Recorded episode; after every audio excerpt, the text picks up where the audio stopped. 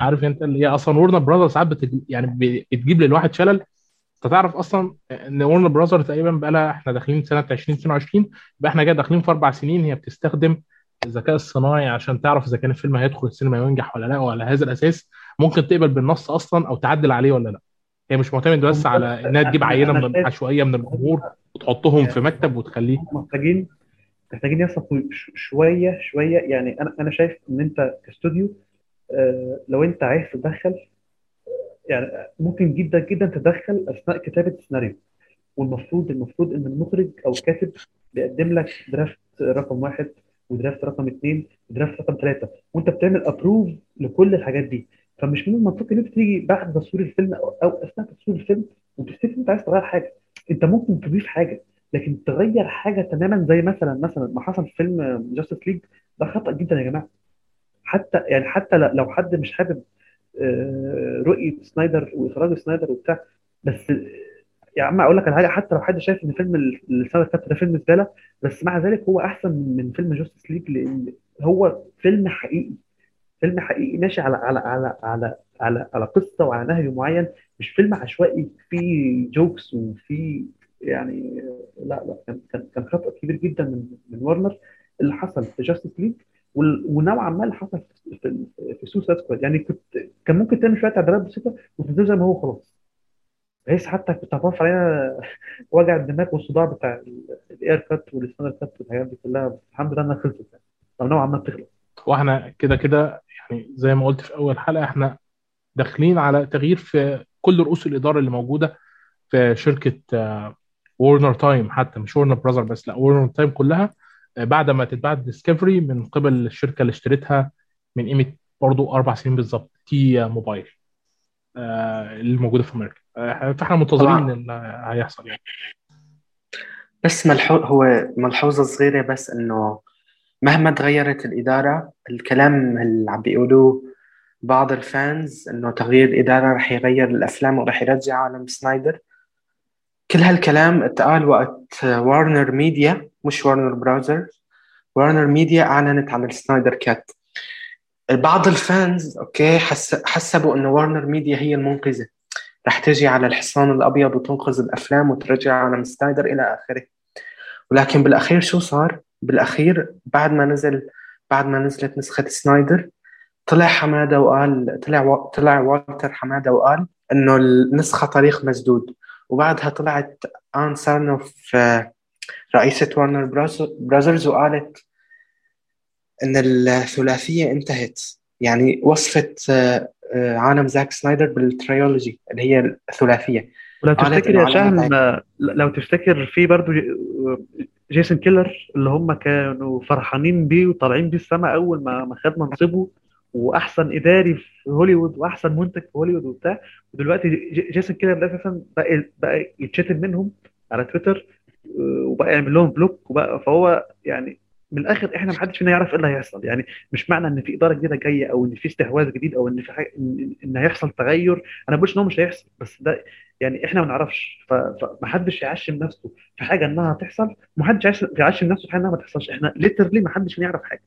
هم هياخدوا القرار اللي هم شايفينه صح ويعملوه. لكن الفكرة بقى إن أنت كل شوية تقعد تحب في المنتجين وتشت- وتشكر فيهم وتعظمهم ولما يقولوا كلمة مش عاجباك أو يعملوا حاجة مش عكس أنت كنت متوقع تقعد تشتم فيهم وتضايقهم وطبعا الكلام ده يعني يعني ما أظنش حد من المتابعين العرب بيعمله بس أنا بتكلم من اللي أنا بشوفه على تويتر شخصيا يعني من ال- من الجمهور اللي هو ال- الأجانب والهنود وكده. أصل برضه كمان معلش إحنا محتاجين نعذرهم شوية. لأن الشركة بتجلط المتابعين. يعني إحنا إحنا مش من وإحنا صغيرين بننزل نشتري ال comic book من الراجل بتاع الجرايد اللي في آخر الشارع فاهم؟ مش زيهم يعني. يعني الوضع عندهم مختلف شوية. ده ده جزء من الثقافة الشعبية هناك من الأربعينات إن ال comic book في كل بيت وفي كل إيد آه، إلا الأشخاص كانوا متعمقين جدا في الموضوع دوت وهم دلوقتي اللي مبني عليهم الحوار كله. لكن الفكرة كلها في إن وارنر أنا فاكر لما من شوية قلت على فكرة إن فيلم الجوكر كانوا متوقعين إنه يفشل بسبب الذكاء الصناعي. فشركة وورنر تايم عملت إيه؟ عملت حاجة عبقرية جدا. نزلت الميزانية اللي هتقدمها لأقل مستوى ودخلت شركتين كمان يدفعوا معاها في ال 30 مليون دولار اللي هي دفعهم آه، بميزانية التسويق بكل حاجة. دفع 30 أقول مليون لك أقول لك على حاجة يا عبد الله أقول لك على حاجة يا عبد الله. الصراحه الموضوع ده آه، بتاع فيلم الجوكر ده بتاع الميزانيه وبتاع الميزانية بتاعته كده واللي في ناس كتير قوي بتبقى بس على الإدارة على أساس إن دي كده إن ده عيب بقى وإن بص ما كانوش عايزين فيلم الجوكر يقولوا مش فاهمين. هو إيه يا جماعة إيه المشكلة دلوقتي؟ يعني مثلا مثلا زي ما قلت بص زي ما هفضل أقول الكلام أخده وعطى يا جماعة. دلوقتي مثلا المخرج جه عرض فكرة فيلم الجوكر تمام؟ الفكرة عموما على الورق مش زي ما يعني مش زي التنفيذ على أرض الواقع.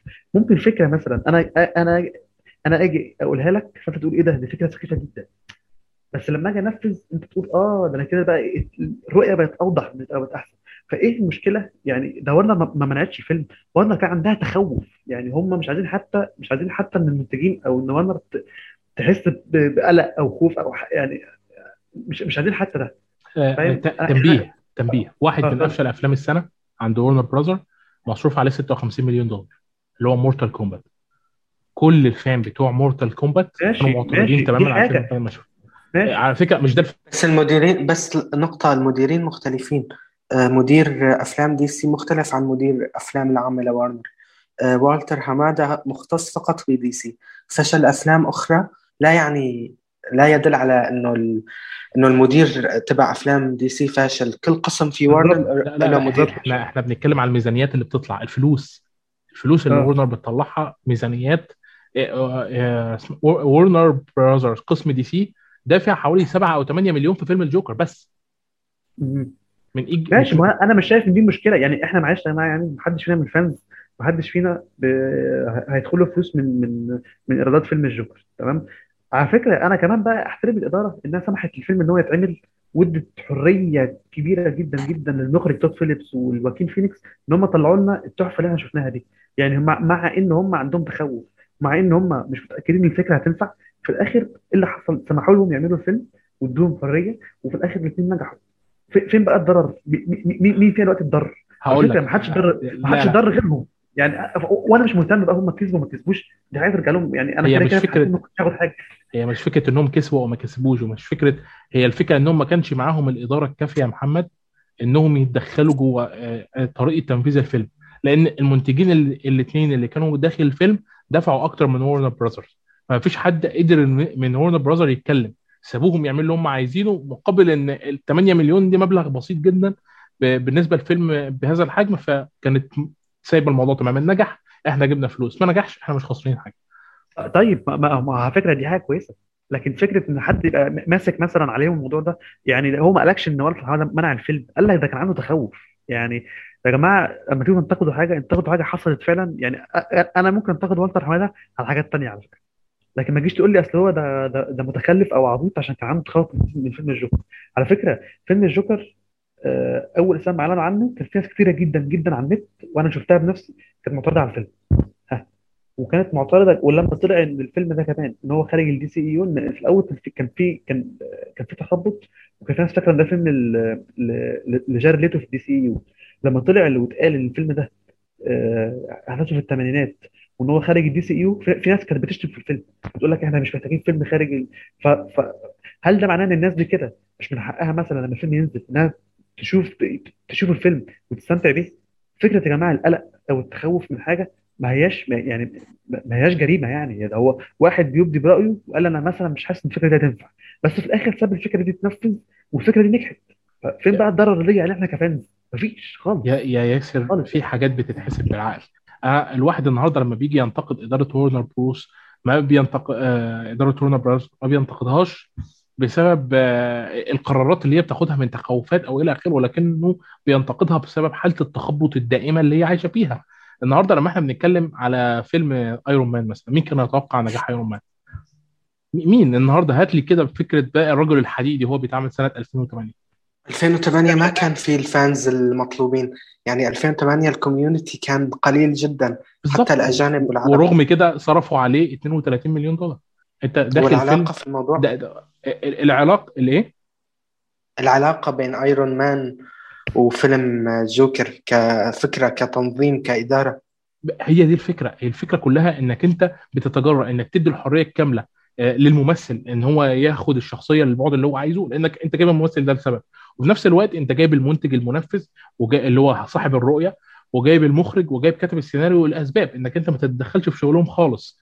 مهما كانت الأسباب في النسخة النهائية اللي هم يخرجوها ما عدا شوية تفاصيل صغيرة. النهارده هل بنتكلم آه، هل نسخة آه، ايرون مان اللي عندنا آه، على الأرض ال live action هنا هي نفس نسخة آه، ايرون مان اللي كانت موجودة في الكوميكس قبل 2008 يعني لا يمكن أن هذا الرجل الطيب صاحب المبادئ والأخلاق ومحاولة تحمل المسؤوليات والتطور الشخصية اللي كان فيه هو نفس الراجل الجشع آه، الرأسمالي القذر صاحب ال- الأخلاق المعطوبة اللي كان موجود في الكوميكس. بس هي هي دي الفكرة الكلية أصلا. ليه؟ لأن هم سابوا الشخصيات تتطور بالمنهج اللي هي عايزة فيه ومشوا على هذا الأساس. مشوا على الحر... على الحرية اللي شايف المخرج شايف بيها الفيلم اللي الممثل شايف بيها الدور واللي كاتب السيناريو شايف بيها السيناريو. واقتبسوا من الكوميكس القصص. هل قدرت DC إنها تعمل كده؟ ده هي أدت لزاك سنايدر الحريه في رؤيته لسوبرمان ومن بعدها ما شفناش حاجة تاني. يعني هلا حاليا أنت عم تنتقد إنه سوبرمان ما قدر يقدم آه، زاك سنايدر ما قدر يقدم سوبرمان ف فما عاد أنا ما انتقدتش ما انتقدتش أنا أنا يا أنا ما انتقدتش خالص يعني أعيد تاني الكلام.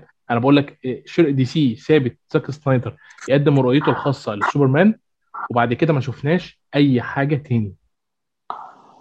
هو الفكرة برضو يا عبد الله فاهم؟ بقول لك حاجة. Iron Man لما نزل في 2008 وقتها هو عمل طفرة لأن هو قدم نوعا ما نوعا ما حاجة جديدة ومختلفة في في في نوع أفلام ال superheroes ده تمام؟ فهو سمع مع الناس جدا وعجب الناس جدا وأعتقد كمان يعني ده تصور شخصي مني إن هو أساسا حقق نجاح أكتر من اللي هم كانوا متصورين إن هو يحققه. حلو؟ فده يديهم دافع إن هم ماشي أنت كده بس بس اثبت لي بقى على دي. هو هو نجح بالشكل ده فأنا هستمر وأكمل بالشكل ده. زاك سنايدر لما خد لما خد Man of Steel وخد سوبر مان الفيلم نزل. إيه اللي حصل؟ انقسام في الآراء ما بين النقاد. انقسام في الآراء ما بين ال fans. آه، إيرادات في السينما لا هي فاشلة بس في نفس الوقت ما هياش ناجحة. يعني أو, أو مش مش مش مش مش ناجحة. ما هياش الإيرادات اللي يجيبها شخصيه باسم سوبرمان. يعني س- 660 مليون آه، ده من وجهة نظري underperformance في ال box office آه، ماشي بس إحنا إحنا لشخصيه لا محتاجين لا لا ماشي. ما هو ما هو وقت بقى ما هو هو بقى ورنر كده اتصرفت على الأساس ده. أنت قارنت حاجة يعني دلوقتي زي ما قلت لك في Marvel Iron Man نجح بشكل كبير وسمع مع الناس كتير قوي وعمل آه، ضجة وشعبية والناس حبته. عكس اللي حصل في Man of Steel Man of Steel اسأل كده كل هات 10 عشوائيين كده في الشارع من محبين ال- ال- الكوميكس هتلاقي آه، ستة يقول لك حلو واربعه يقول لك مش حلو خمسة يقول لك فاهم؟ وهكذا. ما هواش فيلم إيه آه، عموما يعني زي أفلام سنايدر عموما. هتلاقي أفلام سنايدر على فكرة يعني أنا مش معترض على الكلام لكن إحنا لازم نراعي الوقت اللي نزل فيه. إحنا كنا لسه مخلصين الثلاثية نولان وفي سنة 2011 اخذنا فشل ذريع فشل من أسوأ المراحل اللي إحنا شفتها في حياتنا واحد من أسوأ أفلام ال superhero Green Lantern وكان متكلف طيب اخد ميزانية أهو. 200 مليون. أديك قلت فلما أهو فيلم فيلم فشل فشل ذريع وفيلم وحش فيلم كارثه إيه اللي حصل بعد كده؟ رموه في الزبالة. ده طب- رد فعل طبيعي جدا من الاستوديو. يترمي يعني Gree- Green Lantern ده يترمي في الزبالة إن هو مش حلو. ما وصلش بالنجاح اللي هم كانوا عايزينه. فبالتالي رموه. فهو اللي حصل بقى مع سنايدر إن هم كانوا تقريبا إيه عايزين يرموه وما يرموش في نفس الوقت. لأن هو لا هو فشل فشل ذريع ولا هو نجح. النجاح الصحيح اللي هم كانوا متوقعينه. فحصل كده ال middle ground اللي حصل فيها ال- التدخل بتاع BvS لما أثروا فيه شوية واللي هو من وجهة نظري برضه ما هوش التدخل الفادح أو التدخل ال- الخطير اللي بوظ الفيلم يعني. آه، آه، بعد كده بقى حصل التدخل اللي هو بتاع Justice League واللي أنا يعني أنا ضده تماما تماما. إن حاجة زي كده تحصل في أي فيلم أساسا مش الفيلم ده بس. صحيح بس Batman v Superman كان بيقدم رؤيه مختلفة تماما. آه، بالنسبة للشخصيات لدرجة إن أنا كنت شاكك وأنا بتفرج عليه إن هو R آه، تصنيفه R آه، مش آه، مش PG 13 ليه؟ لأن ال- مشكلة في كده خالص. محدش قال محدش قال الفيلم BvS مش فيلم طموح ومش فيلم مختلف الكلام ده كله. الكلام ده ده BvS لما نزل كانت ردة الفعل عليه عنيفة وسلبية أكتر من Man Steel والمفروض على فكرة أنا أنا في متفق بس هم كانوا شايلين منه ربع ساعة كانت مهمة جدا. بس هقول لك على حاجة أقول لك على حاجة معلش يعني خلينا نكون يعني صراحة وواضحين مش الحبة دول يعني إيه؟ هو أصلا أصلا انتقادات الفيلم ساعتها كانت إيه؟ الناس قالت أنا أنا أنا بقول انتقادات الناس ما بقولش أنا تمام؟ آه، الناس لما انتقدت الفيلم وقتها في ناس قالت لك الفيلم آه، آه، dark جدا. الفيلم فيه باتمان بيقتل. الفيلم فيه سوبرمان آه، كئيب. الفيلم آه، آه، فيه Doomsday مش حلو. الفيلم فيه حاجات كلها الربع ساعة ولا تلت ساعة زيادة دي ما غيرتهاش. يعني هو ال ال يعني مثلا مثلا لو أنا دلوقتي واحد كاره الفيلم قوي وشايف إن هو فيلم ظلامي وفيلم كئيب وده مش مش ذوقي. لما لو جيت شفت النص ساعة زيادة دي إيه اللي هيتغير؟ ما هو نفس الفيلم يا جماعة. هو أيوه النسخة اللي هي الالتيميت بتزود من حلاوه الفيلم. لكن هي ما بتغيرش الفيلم. هو نفس الفيلم في الآخر. يعني اللي ما عجبنيش هنا برضه مش هيعجبني هنا. مش هيتحول مثلا. فاهم قصدي؟ آه إنه الفيلم وقت نزل ب 2016 تكره كره شديد. ومشكلة الفيلم إنه انفهم بوقت غلط. انفهم بعد أربع سنين. بعد أربع سنين الكل فجأة صار يحبه. الكل فجأة صار يشوفه فلسفي وعميق وجيد جدا وممتاز. وفي طبعا كارهين لكن الآراء بعد بعد فوات الأوان تغيرت يعني تخيل آه، باتمان ضد سوبرمان الاسمين مع بعض اسم ضخم. وفي أربعة أيام أربع أيام آه، جاب 400 مليون دولار. آه، من اسم من اسم باتمان وسوبرمان. الكل كان متحمس والكل والكل كان متطمح إنه يشوف باتمان معركة باتمان ضد سوبرمان. لكن شو صار بالأخير؟ الفيلم اتكره. مو مو بس من النقاد من الفانز من الجمهور العام. من النقاد من من كل شخص على وجه الأرض وفي ناس حبته وأنا حبيته من أول ما نزل. ومع اختلافي يعني مع كرهي لبعض النقاط في القصة. لكن اتفهم غلط. فهذا أدى أنه وارنر تشوفه آه هذا أدى له إنهم إنه وارنر تجيب جيف جونز إنه يمسك العالم من جديد. وهذا أدى إنه فيلم Justice League يتغير. فالفيلم آه اتفهم بوقت غلط. فما نلوم ما رح نلوم. أنا كشركه أنا كشركة أنا بهتم بالفلوس أكثر من الفانز. أنا بهتم إني أقدم محتوى جيد يجيب لي فلوس. أنا كش أنا كمخرج آه، هدفي الأول هو إسعاد الفانز طبعا لكن هدفي الأول أنا ما عم بعمل شيء مجاني ولا عم بعمل شيء مشان عاطفة. أنا عم بقدم أنا عم بقدم عمل مشان يجيني فلوس وعم بستخدم أكبر شخصيتين في التاريخ في فيلم واحد. فما بالك وارنر فما ب... إن, إن, إن دي أفلام؟ اتفضل اتفضل آه فما بالك Warner Brothers لما تشوف إنه الفيلم فشل قدام فيلم فيه أبطال طفوليين مثل Civil War يعني فيلم Civil War سيء بالنسبة لي لكن بال بالجهة الثانية فيلم Civil War حقق مليار و500 مليون دولار. وفيلم باتمان سوبرمان فشل من النقاد والفانز والجمهور العام وحقق 800 مليون دولار. انت برأيك أنا كشركة شو راح أعمل؟ طبعا هن هن ما تخلوا عن زاك سنايدر هن تمسكوا فيه. لكن جابوا شخص ثاني شخص على أساس بيفهم بالكوميكس إنه يدير العالم هو جيف جونز. جيف جونز شا... جيف جونز اي جيف جونز هو ما بوظها أكثر هو كان معترض مع فكرة هو كان داعم لسنايدر بس هو معترض مع فكرة الكآبة والأفكار الانتحارية والفلسفة العميقة المتأخ يعني اللي اندحشت اللي انحشرت في الفيلم. يعني وموت سوبرمان السريع فهو حاول يصحح هذا Justice League ويجيب آه، جوس ويدن آه، بناء على career ه الناجح في فيلم Avengers الأول. فكل هذا أدى إلى التخبط.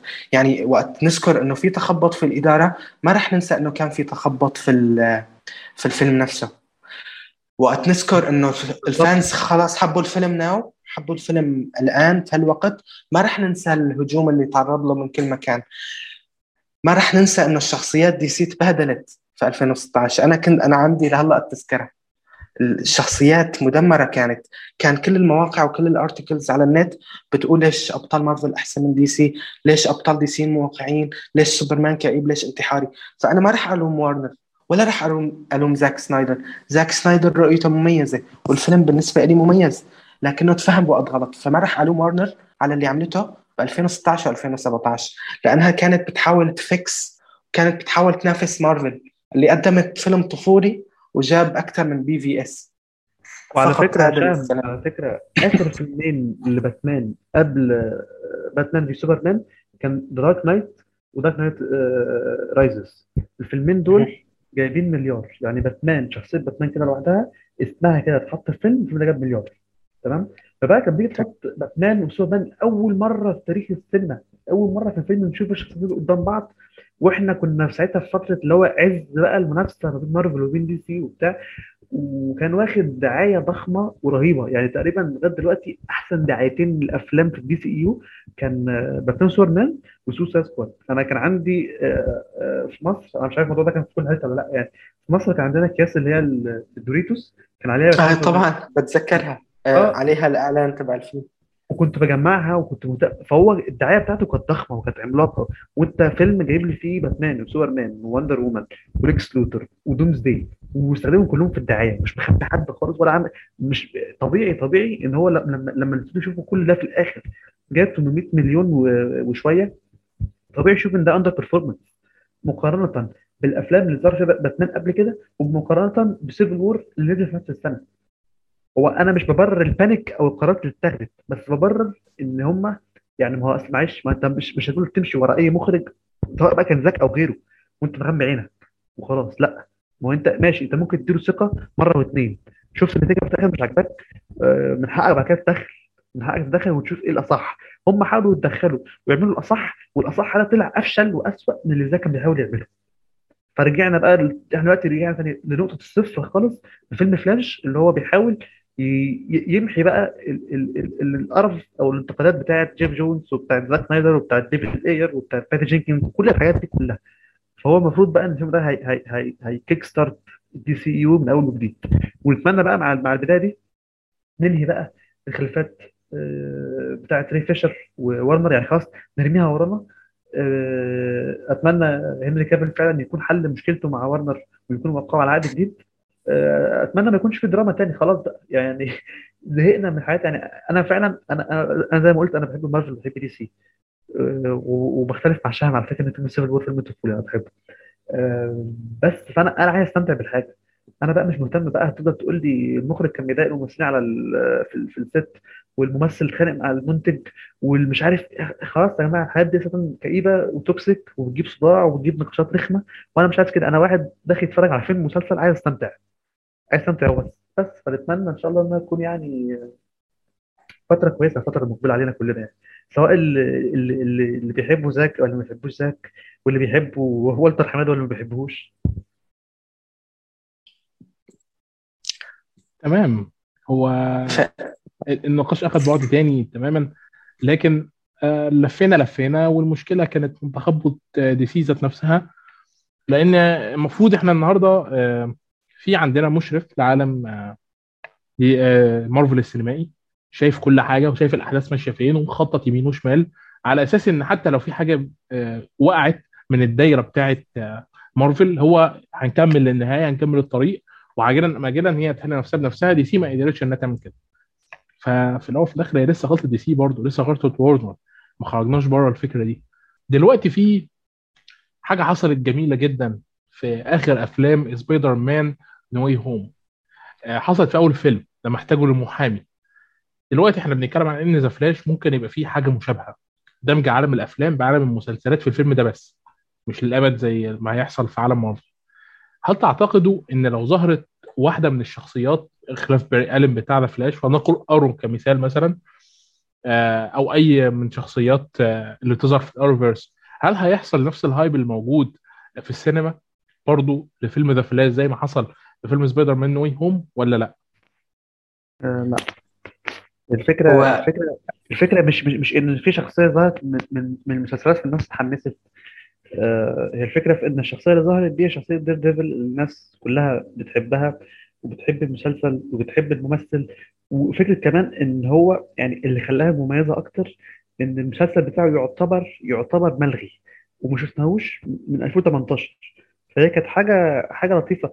وعلى فكرة برضو كمان آه مش كل الناس عرفت مين هو سندلت ده يعني آه آه على حسب كلام أصدقاء ليا وناس أنا بتابعهم يعني أجانب من بره يعني إن مش كل الناس أصلا يعني هيصت لما شافته في ناس ما كانتش ما كانتش تعرف ده مين. فأنا عموما مش شايف إن في حد من Arrowverse ممكن يعمل ضجة أو أو يخلي الناس مبسوطة أو حاجة زي كده. هو تقريبا أساسا أكتر حد مشهور هيبقى يا إما ستيفن أميل اللي هو ارو يا إما جرانت جاستن اللي هو فلاش وهو المتوقع أصلا واللي هو بنسبه كبيره يحصل إن جرانت جاستن يطلع في الفيلم في مشهد كده أو حاجة زي كده. آه، فلا ما أظنش ما أظنش. طبعا. طبعا أظن إنه أنا بالنسبة لي أظن إنه المعظم نسي إنه ذا فلاش تبع العالم السينمائي ظهر بمسلسل فلاش وكان في ضجة كبيرة على الإنترنت باندماج العوالم و Flash from two worlds التقوا فلاش جرانت جاستن وفلاش إزرا ميلر. كانت ضجة كبيرة وكان دي سي عملتها before مارفل يعني دي سي قدمت هالفكرة قبل مارفل لكن بالنسبة هل رح يكون نفس ال hype آه، تبع سبايدر مان لو جرانت جاستن ظهر في فيلم فلاش. طبعا ما أظن أرو أو أي شخصيات تانية رح تظهر في فيلم فلاش. ممكن فقط آه، فلاش المسلسل رح يظهر لأنه الفيلم زحمة شخصيات فما أظن لهم مكان فاضي. لكن عموما هل رح يكون في نفس ال hype؟ أنا طبعا رح أقول لا. في عدة أسباب أو في عدة أسباب كانت ممكن تحافظ على هاي فيلم فلاش. أول سبب إنه فيلم سبايدر مان توبي ماجواير صار متربيين عليها من 20 سنة. من ومن أول ومن أنا صغير بعرفه. ومعظم ال fans كذلك. وكذلك أن وكذلك الممثل أندرو. فراح أقول إنه مستحيل يعدي. مش لأنه فيلم سبايدر مان أفضل من فلاش لأنه ال community تبع مارفل متماسك. آه، ما شفنا حدا بيهاجم فيلم سبايدر مان ما شفنا إشاعات سيئة عن فيلم سبايدر مان بالعكس تماما من فلاش. في بعض ال fans من دي سي بيحاولوا يظهروا فيلم فلاش بصورة سيئة. آه، حتى مثلا أنت أنا من كلامك شفت أنك آه، ذكرت تخبط الإدارة وفيلم فلاش وكيف فحاسس أنه في tension في كهرباء من الفيلم يعني. في ناس متجنبة الفيلم أو مو واثقة منه. هالعنصر ما كان فيلم سبايدر مان نو واي هوم ف وكمان نقطة إنه دائما الناس عم تعظم في مارفل وفي ال multiverse تبعها وناسين إنه فلاش المسلسل هو أول من قدم ال multiverse ودي سي هي أول من قدمت ال multiverse. لكن الفكرة بال fans نفسهم ال fans نفسهم نفسهم هم اللي ال fans دي سي مش مارفل فقط. fans دي سي هم هن كرهوا فيلمهم الخاص. يعني بدون أسباب بالنسبة لي بدون أسباب منطقية. فكثير في في كثير أسباب.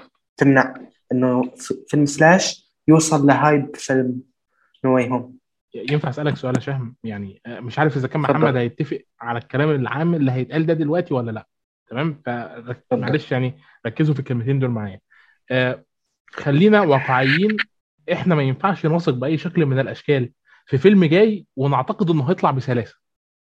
اداره هو أنا لما بنتقد إدارة وورنر ده لأن الواقع اللي قدامي بيقول لي إن أي فيلم بيقع تحت إيد الإدارة دي ما بيخرجش سليم.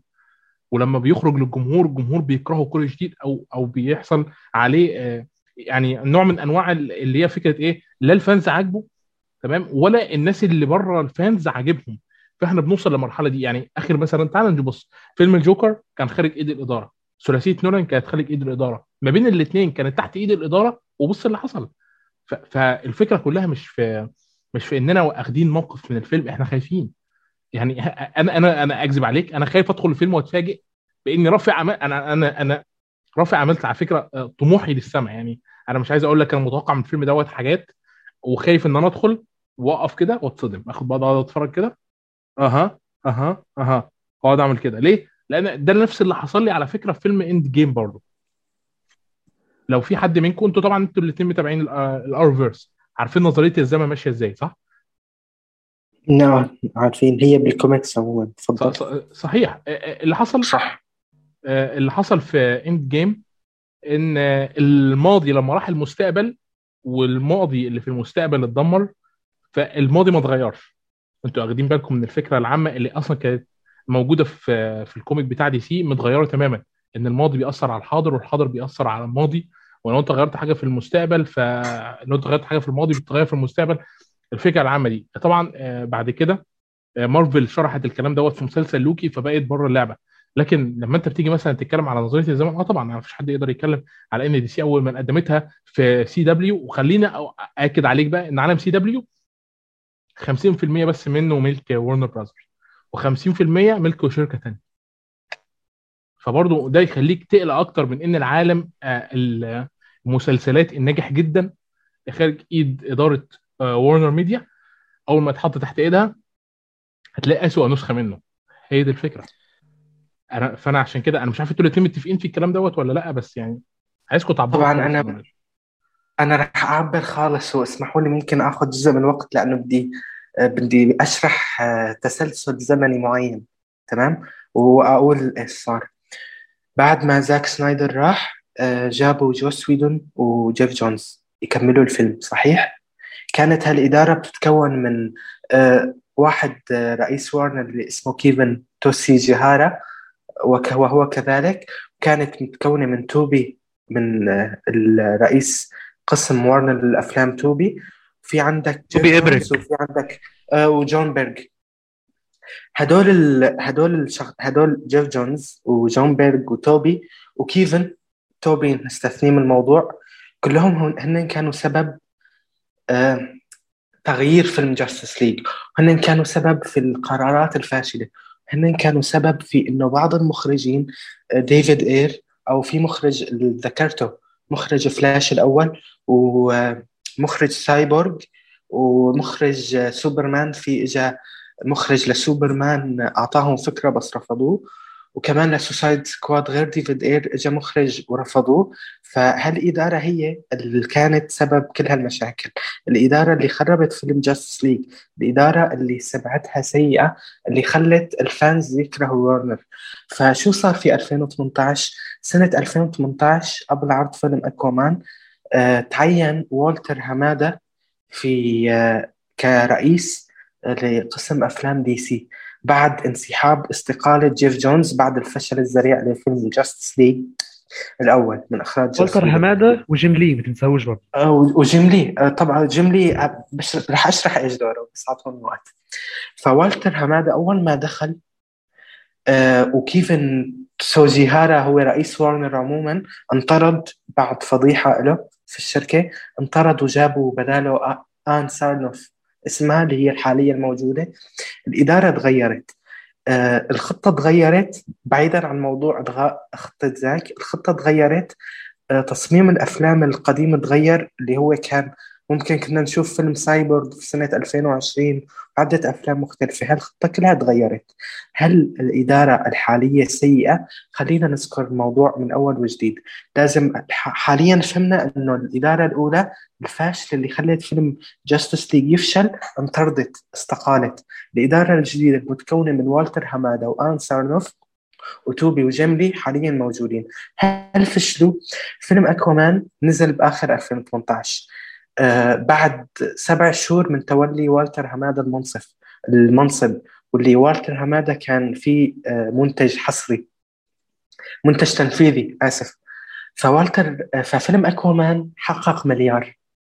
هل نجح نقديا؟ آه، نقديا بمعنى من النقاد نعم نجح لكن 60% بموقع روتن توميتوز وال fans حبوه حقق مليار. حقق نجاح كبير. هل زاك كان زاك سنايدر كان موجود فيه؟ نعم كان موجود فقط كاسم لأنه هو اللي دخل شخصية أكوامان للعالم لكن هالفيلم كان من إدارة مين؟ كان من إدارة والتر همادا وتوبي وآن سارنوف. بعد فيلم أكوامان شو إجا؟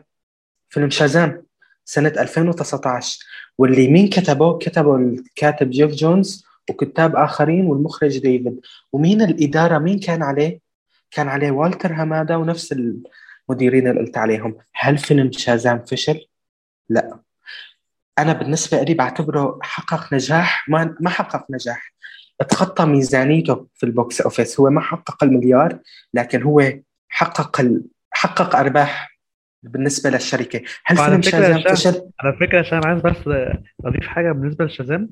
آه لما تيجي تحسب تكلفة إنتاج الفيلم والأرباح اللي حققها في ال box office ومبيعات ال- ال- ال Blu-ray وال DVD وال merchandise فالفيلم ده محقق لورنر براذرز ربح مادي أعلى من اللي Man of Steel حققه. دي معلومة حقيقية على فكرة. وممكن يعني أنا مش عارف ده متاح ولا لأ بس ممكن عبد الله يبقى يحط لكم الصورة لو في link أو حاجة زي كده. بس أنا معايا صورة الإحصائية دي. تمام. وهو كذلك هو حقق نجاح في ال... هو حقق نجاح. هو ما فشل هو حقق نجاح بعد فيلم شازام طبعا الفيلم شازام شخصية شازام طفو... مو طفولية يعتبر لسه أول جزء وطفل فال fans حبوه يعني هو كان فرفشة لأفلام دي سي اللي تعودنا عليها من قبل فبعد فيلم شازام أظن اجى فيلم بيردز اوف براي سنة 2020 صحيح؟ ولا وندر وومن أول؟ يعني في جوكر تبع آه الفيلم. جوكر صح جوكر. بعدين اجى فيلم الجوكر الجوكر تقريباً العالم الجوكر بره العالم خالص يعني بره العالم. هو هو برا العالم لكن. فيلم الدي سي. آه، فيلم هو فيلم لدي سي مين كان مدير عليه؟ طبعا كان وارنر والجدال حول الفيلم إنه توبي آه، توبي إمريك اسمه قال قال للمخرج آه، قال للمخرج تبع الجوكر إنه ما توقع النجاح الكبير من الفيلم يعني توقع إنه كان فيلم ظلامي خالص ظلامي جدا. ونفس ما ذكر ياسر من قبل إنه الجوكر ما كان حدا متحمس له قبل ما يشوف الفيلم قبل ما الناس تشوف الفيلم. وحماده كمان قال إنه استغرب إنه كيف آه، الجوكر إنه انقبل. لأنه هو ما هو هو مشرف على الفيلم لكن هو ما أعطى ال green light للفيلم. عموما عموما الفيلم نجح مهما كان برا العالم لكن ما يزال إدارتهم مهما كان في اختلاف عليه. حقق مليار دولار.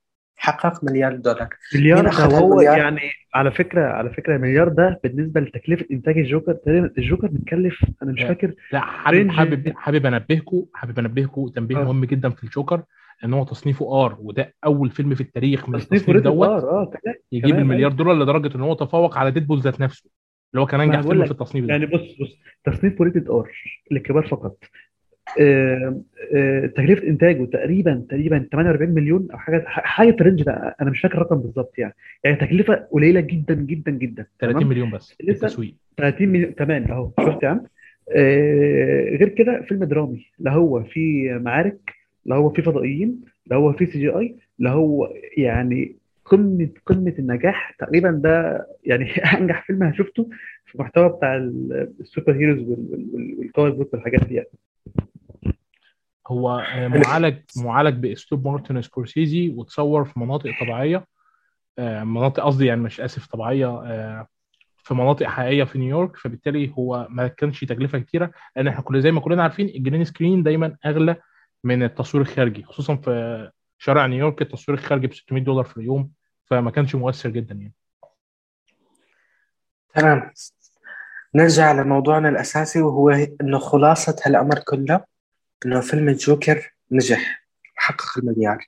نيجي بعده ل Birds of Prey of Prey الفيلم النسائي طبعا هو الفيلم ما حقق إيرادات كويسة لأنه نزل قبل الكورونا ب 10 15 يوم أنا حضرته بالسينما بشهر 2 2020 بلاش تبرير ما حقق. ان كورونا السبب بلاش تبرير ان كورونا السبب أنت شفت الفيلم صح؟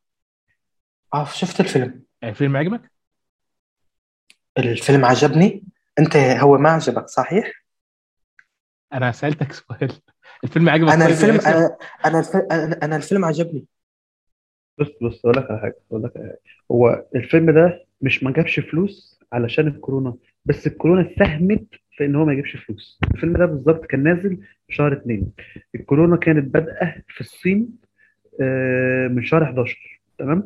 11 واحد اتنين الكورونا شغالة شغالة. الكورونا بدأت بدأنا نسمع كده عن حاجة اسمها كورونا أو إنها مؤثرة أو إنها بتنتشر في نص شهر فبراير. تمام؟ بدأ بقى يحصل ال pandemic وهو الحجر الصحي على العالم كله من شهر ثلاثة فهو الفيلم اولا عانى عانى من إن هو آه، ما فيهوش أسماء معروفة كشخصيات. يعني مثلا بلاك كاناري وهانتريس وكاساندرا كين والحاجات دي ما حدش أصلا في ال- في ال- في الجمهور اللي هو العام أو العادي ده ما حدش حد أصلا يعرف مين دول. تمام؟ الفيلم عانى كمان من ضعف أسماء الممثلين. literally مش حد معروف غير ايوان ماكجريجر اللي هو عامل بلاك ماسك ومارجو روبي. وعلى فكرة الاثنين دول برضو ما يعتبروش اسماء box office عالية يعني. تمام؟ آه عانى كمان من آه آه دعاية آه ضعيفة جدا من من وجهة نظري يعني. لكن هو كفيلم أنا أنا شايف إن هو بالنسبة للي هو كان بيعمله بالنسبة لنطاق القصة والشخصيات المستخدمة لا فهو فيلم حلو. وعلى فكرة أحسن من حاجات آه، في عالم مارفل السينمائي. ومع ذلك الأفلام دي جابت إيرادات أعلى وأعلى بكتير. يعني مثلا أنا والله العظيم أنا لو حطيت فيلم Birds of Prey قدام مثلا انت مان 2 والله والله Birds of Prey أحلى. ومع ذلك هتلاقي آه، انت مان جاب إيرادات أعلى لمجرد لمجرد. شوف حتى مع إن برضه انت ما فيش برضه أسماء كبيرة والكلام ده بس لمجرد إن هو مكتوب عليه اسم مارفل.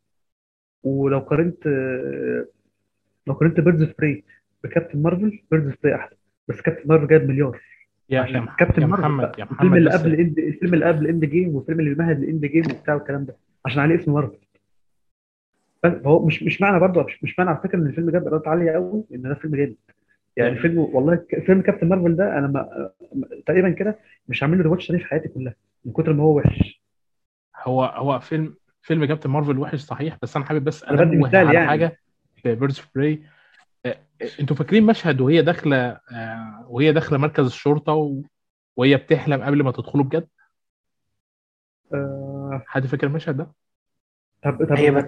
فاكر وقت دخلت مشهد مشهد آه، مركز الشرطة وقت قتلتهم في المسدس وصار يطلع ألوان وصار مشهد موسيقي. أيوه. بتذكر المشهد. تمام. نعم. المشهد ده كانت داخلة مركز الشرطة من أوله لآخره كان كله رجالة. أنا على فكرة أنا ما لاحظتش دوت من أول مرة شفتها في فيلم. بعد كده لما دخلت مشهد ال- المشهد اللي بعده وهي داخلة اسم الشرطة بحقيقي كان المشهد عبارة عن رجالة وستات جوه آه، مركز الشرطة عادي جدا. الفكرة في إيه بقى؟ آه، التبرير النقدي للموضوع. آه التبرير النقدي ال... للموضوع دوت إن ده انتقام نسائي ضد الهيمنة الذكورية في مراكز الشرطة اللي هي داخلها. آه، بص بشكل عام ال- الفيلم آه، حاول إنه يقدم حاجة حاجة خارج نطاق آه، مش هقول ال budget لأنه متكلف 100 مليون دولار. لكن أنا هقول انه خارج نطاق ما هو ممكن يقدم ليه. لا دي هارلي كوين آه، ولا الشخصيات اللي قدمت كانت شخصيات محترمة ولا الشرير بتاعنا. يعني يا جدعان هو دوت آه، يعني لا لا معلش يعني مش مش هو دوت خالص ال- ال villain اللي أنا كنت مستنيه بأي شكل من الأشكال. مش هو ده البلاك ماسك اللي أنا عارفه من ال comic وعارفه من آه، مسلسل animation وعارفه من حاجات كتير جدا. يعني مش مش متصور. طبعا مع احترامي الشديد لرأيك رأيك يحترم. في كتير fans كرهوه وفي كتير ناس سفلوا فيه. لكن لا ننكر إنه في فئة عجبهم ما عم بحكي عن العرب العرب معظمهم كرهوه أصلا. لكن عم بحكي إنه في أجانب بالتويتر. أنا حتى. في ال fans دي سي في تويتر حبوه. إلا بعض عايز أقول عموما هو مش معنى إن هو يعني مش معنى إن إحنا شايفين إن هو حلو إن إحنا بنقول مثلا إن هو فيلم بقى يعني مكسر الدنيا وجاب لأ في فرق يعني هو فيلم حلو يعني فيلم لطيف فاهم؟ أكيد أكيد في يعني أنا أنا بالنسبة لي لو اتكلمت على مشاكل في الفيلم أنا شايف إن الفيلم بالنسبة لي كان قصير قوي. أنا حابب إن أنا كنت أشوف آه، حاجة أكتر من كده آه، كنت حابب أشوف شخصية هانتريس آه، أكتر من كده. شخصية كاساندرا كين مثلا ما عجبتنيش خالص في الفيلم لكن أغلب الحاجات اللي بعد كده أنا مش شايف إن في حاجة أنا ممكن أنتقدها. يعني يعني فيلم لطيف جدا الصراحة يا جماعة. يعني حتى إحنا أنا لو اتكلمت مثلا على على على مستوى الأكشن هو الأكشن اللي فيه مميز جدا جدا جدا من حيث الحركات اللي هي ال stunts والحاجات دي. وأحسن يعني يعني في أفلام تانية وآه هقولها بقى. يعني مثلا فيلم زي Suicide Squad بتاع 2016 ده والله العظيم ما في أكشن خالص. الأكشن بتاعه عبارة عن إن هم بس كانوا ماسكين مسدسات وبوم بوم طول الفيلم وخلاص. ما فيش أصلا يعني تحس ما فيش effort في في في تصميم المشاهد الأكشن وشكلها يبقى عامل إزاي طالع لك أنت كمشاهد يعني وال stunts اللي بتعمل. ونفس الكلام على فكرة في أفلام مارفل أو مسلسلات مارفل كتير قوي بيكسروا جدا في موضوع الأكشن ده. بيبقى أكشن اللي هو النمطي اللي هو اضرب مسدس على مشهد مطاردة على حاجات لا نمطية. أو أنا حسيت إن فعلا فعلا فيلم Birds of Prey من حسناته بالنسبة لي. أنا حسيت بجهد و effort معمول في تصميم المعارك وشكلها. وفي الآخر بالنسبة لي برضه هو فيلم مختلف. يعني فعلا فعلا ما فيش ولا فيلم زيه في أفلام مارفل وأفلام دي سي.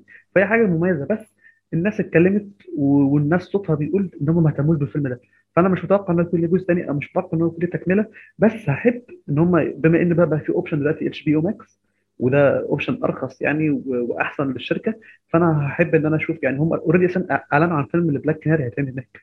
فأنا آه، هحب برضه لو أنا حابب حابب أنبه إن الفيلم أخد على IMDb 6.1 من 10 من 217 ألف تقييم.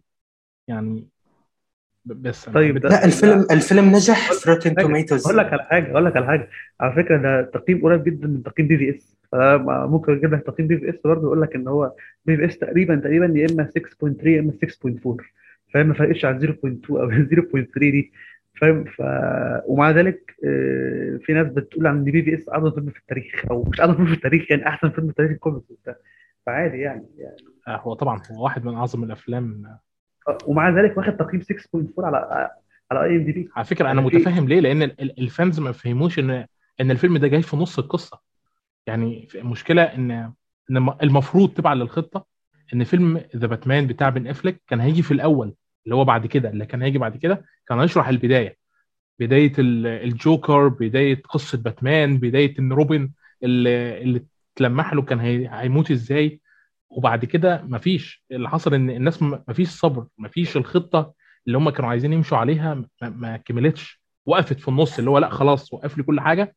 إحنا فشلنا والفشل ده هيدمرنا فاقلب لي السطر من أول وجديد يا ابني؟ وعامل لي Shazam بقى. Suicide Squad غير لي غير, لي اللون السينمائي بتاعه خالص.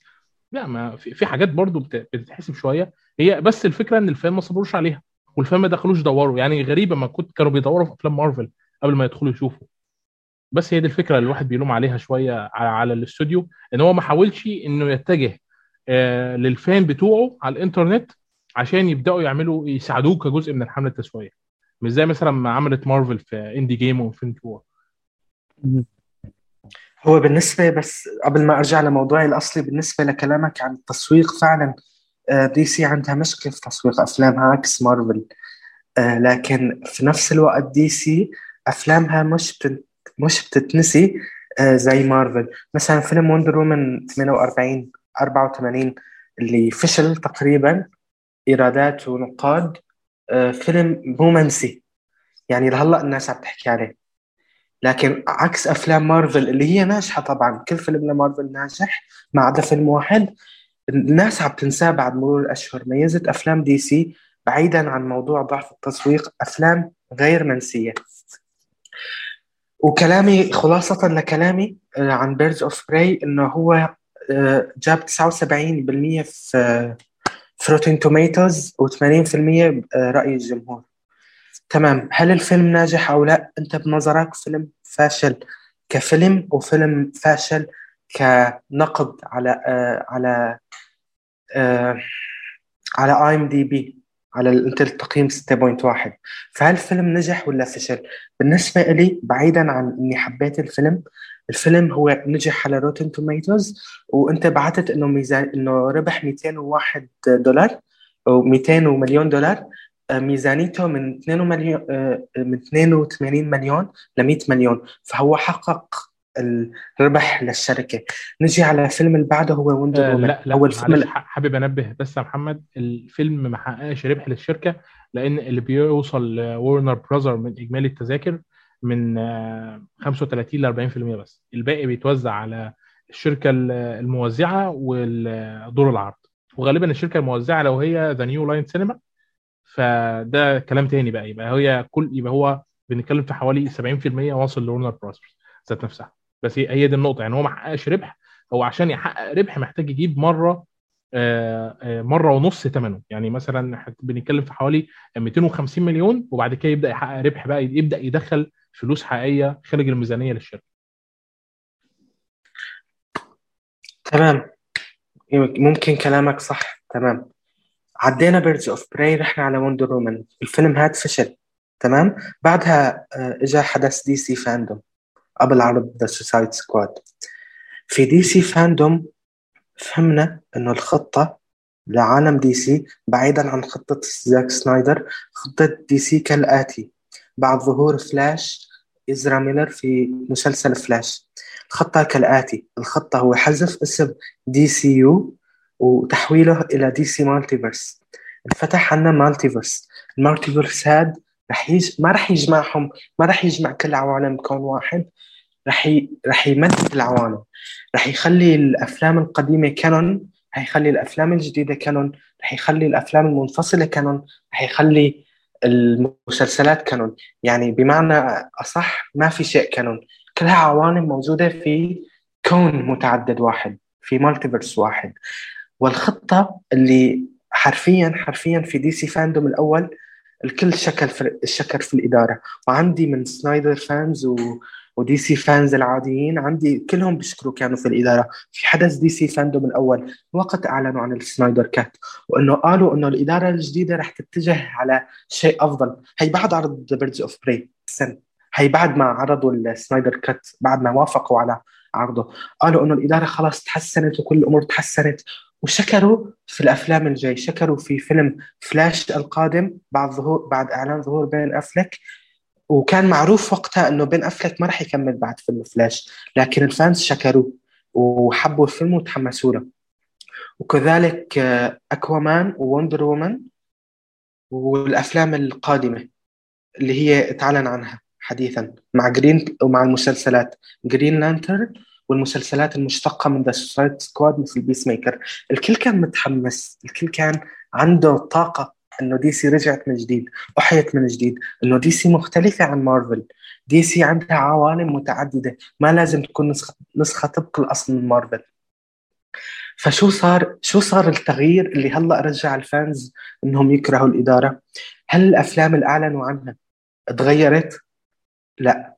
هل الافلام هل الخطة اللي اعلنوا عنها؟ هل ما أعلنوا كثير عن الخطة لكن قالوا إنه الخطة راح تكون من أفلام مشتقة مسلسلات مشتقة وعالم متوسع أكثر. آه ما في عالم أساسي واحد. هل غيروا هي الخطة اعلنوا عنها وتشكلت؟ لا. هل عملوا شيء ثاني لا. هل قتلوا قتيل؟ لا. شو صار حتى خلوا ال fans آه حتى ال fans صاروا يكرهوا وارنر. اللي صار إنه بشهر واحد أنا كاتب مقالة عنه تصريح والتر همادة. اللي صار إنه قال والتر همادة إنه ال Snyder Cut is cul-de-sac اللي هي طريق مسدود آه، بهذا المعنى. هون صاروا ال fans تبعون سنايدر آه، سنايدر fans يهاجموا أي خطة لدي سي جاي يقولوا على الأفلام فاشلة قبل يقولوا وارنر بتظلم زاك وضر وسلبت حقه وظلمته وخطته أحسن خطة وهو أفضل مخرج في العالم وأفضل مخرج يمسك دي سي وصاروا آه، صاروا ينشروا ال toxicity toxicity هيك. صاروا يكونوا toxic مع نفسهم ومع العالم إنه أنا ما بدي أفلام دي سي الجاي أنا فقط بدي أفلام زاك سنايدر بس فقط بدي خطته. طبعا أنا بحب خطة زاك سنايدر خطته مميزة عبارة كانت عن خمس أفلام وتمددت. لكن أنا move on moved on يعني أنا كنت متعصب لزاك سنايدر لكن moved on متقبل إني أشوف شخصيات دي سي بشكل جديد. مثلا أنت ما عجبك Birds Prey ممكن شفت فيه أجندات ال feminist بس أنا شفته شخصي نفس الكوميكس اللي قراتها للكاتبه جيل سيموني. الفيلم اقتبس منه شغلات كثير كمحب للكوميكس طبعا مو كل الجمهور لازم يكون قارئ كوميكس لكن أنا كقارئ كوميكس شفته آه، ملتزم. بالقصة الأساسية في الكوميكس. فيلم Wonder Woman 48 طبعا فيلم اتكره جدا وإنه cringy وهالأمور. بس شخصيا أنا حسيته في في وراه هدف. بس هل هو قدم شخصية Wonder Woman بشكل ممتاز؟ لا. وكذلك وكذلك وكذلك. الفيلم الناس صاروا يكرهوا أفلام دي سي الجاي وصاروا يشوفوها تافهة. إنه لازم كل شيء يكون ظلامي. لازم فلاش أو Birds of يكونوا ظلاميين. حتى في تسريب art آه، آه، نزل لفيلم فلاش هو عم بنقذ طفل قالوا وين أيامك يا زاك سنايدر والسوداويه إنه بس لأنه عم بينقذ طفل صار so صار إنه كوميدي وبيقلد أفلام مارفل. فهالانتقادات كلها أدت إلى إنه ال fans يكره وارنر بطريقة غلط. أنا ممكن أنتقد وارنر براذرز للصبح ممكن أنتقد والتر هماده للصبح بس الانتقاد اللي عم بيصير حاليا. بالنسبة للخطة اللي جاي أنا ما عم بشوفه منطقي. أنت قلت يا عبد يا عبد الله انه نحن ما لازم نشكر في سياق الكلام ما لازم نشكر في الفيلم قبل ما نشوفه لأنه في عند عندنا سوابق في الأفلام الماضية. لكن أنا أنا لا أنا شو بقول؟ أنا بقول نحن ما لازم نهاجم الفيلم قبل ما نشوفه. يعني فيلم فلاش بالإنتاج فيلم The Batman بالإنتاج فيلم Black Adam بالإنتاج فيلم كل أفلام بالإنتاج دخلت الإنتاج وراح تنزل خلاص. يعني مصيرها الحتمي راح تنزل وراح نشوفها ونحكم. لكن أنا اللي عم بضايقني حاليا في الإنترنت هو ال toxic الموجود فيها. انتقاد دائم انتقاد دائم تمام. ممكن في أغلاط وأشياء غير منطقية لكن لشو نضل ننتقد؟ ننتقد الفيلم وننتقد الإدارة و... وأي وأي مشكلة صغيرة انتقاد الإدارة. مثلا مثلا أبسط مثال قبل ما أخلص كلامي إنه بيقولوا إنه المخرجين وارنر ظلمت زاك وانه وارنر ما بتعطي حرية للمخرجين. لكن لو نظرنا لل للتسلسل الزمني اللي قلته فقط زاك سنايدر وديفيد اير هن اللي تأثروا. يعني ومن مين تأثروا؟ من الإدارة القديمة. مو من الإدارة الجديدة. أما روح شوف فيلم أكوامان جيمس وان متفق مع الإدارة. آه، ديفيد آه، آه، مخرج شازام. متفق مع الإدارة. وكذلك جيمس جان وباتي جينكنز تبعيت Wonder Woman كلهم متفقين مع الإدارة. ومخرج فيلم فلاش كلهم متفقين مع الإدارة. لشو ما بنقول وارنر دعمت هالمخرجين واتفقوا مع بعض. لشو بننظر للجانب السلبي؟ تبع زاك سنايدر وتاثرهم ونحكم إنه الإدارة هي فقط فاشلة لأنه بس ظلمت هالمخرجين ليش ما ننظر على الجانب الإيجابي؟ إنه هي تدعم المخرجين. هل شفنا في مشاكل من المخرجين اللي قلت عليهم مع وارنر؟ لا. هل شفنا تدخل كبير من وارنر في الأفلام؟ لا. هد الأفلام اللي شفناها حتى لو أنت شفتها فاشلة مخرجة فيلم Birds of Prey هي قدمت الفيلم كله هي قالت إنه أنا لم يتم التحكم بفيلمي في التويتر قالت وقت Zack Snyder's fan قالوا لها لو حدا تدخل في فيلمك هو فمهما أنت شفته فاشل يضل عمل المخرج يضل حريته. ممكن فعلا زاك سنايدر اتظلم بإنه أول شيء ما كمل عالمه ومع إنه الإدارة الجديدة رفضت تكمل عالمه. فعموما إنه نحن دائما عم نشوف الجانب السلبي من الموضوع. ما عم نشوف الجانب الإيجابي. في جانب إيجابي لكن يتم حجبه يتم قمعه. يعني معظم السنايدر fans أو بعض ال fans في التويتر عم بيهاجموا فيلم فلاش لعدة أسباب. عم بيهاجموا آه، الأفلام القادمة لعده لعدة أسباب، هل لأسباب منطقية؟ أنا ممكن حاليا أقول لك الأسباب اللي بتخليني مو متحمس لفيلم Black Adam أو The Batman أو The Flash أو اكوامان ممكن أو شازام ممكن أقول لك ألف سبب يكرهني بالأفلام، لكن هل اللي عم بشوفه أنا النقد بالتويتر أو بالفيسبوك أو بأي منصة هو نقد منطقي من ال Zack Snyder's fan أو من نحن من DC fans؟ أنا طبعا بشوفه غير منطقي لأنه آه، آه، في شيء اسمه clout chaser يعني أنا ك fan شفت واحد كبير القوم إنه كبير fans زاك سنايدر هاجم هالفيلم فأنا رح أهاجمه معه بدون منطقية بدون ما أطلع على الاسباب يعني أنا هلأ عندي سكرينات ل Zack Snyder's fan أو DC fans شكروا كثير في الإدارة بعدها تغير كلامهم وناقضوا نفسهم. فهل أنا عم بشوف النقد على إدارة وارنر عادل؟ ما عم بشوف نقد عادل. شايف ممكن ممكن ننتقد. المشكلة زمان تفضل زمان آه، أيام ما كان سنايدر موجود وبتاع لما كانت أفلام DC فعلا مختلفة جدا جدا عن, عن أفلام مارفل. كانوا يفضلوا يقول لك إحنا كده DC مميزة و DC مختلفة. ومش لازم نعمل كل حاجة زي مارفل ومش لازم نقلد مارفل وبتاع. دلوقتي علشان مارفل عملت فيلم Spider-Man No Way Home ورجعت الشخصيات القديمة دلوقتي بقى يقول لك إيه وارنر لازم تعمل فيلم تجيب فيه بين أفليك ومايكل كيتن وكريستيان بيل. وإلا كده في مرة هتبقى فاشلة.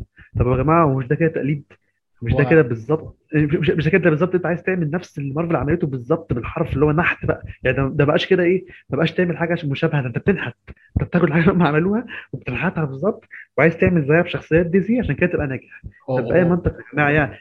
هو بس بس أنا عايز أوضح كام نقطة مهمين. تمام؟ هو أول حاجة آه مقالات محمد شاه هيبعتها لي وهحطها لكم تحت في الوصف. مهم جدا. الثلاث أربع مقالات اللي ذكرهم لازم يتحطوا عشان تدخلوا تقروهم تمام.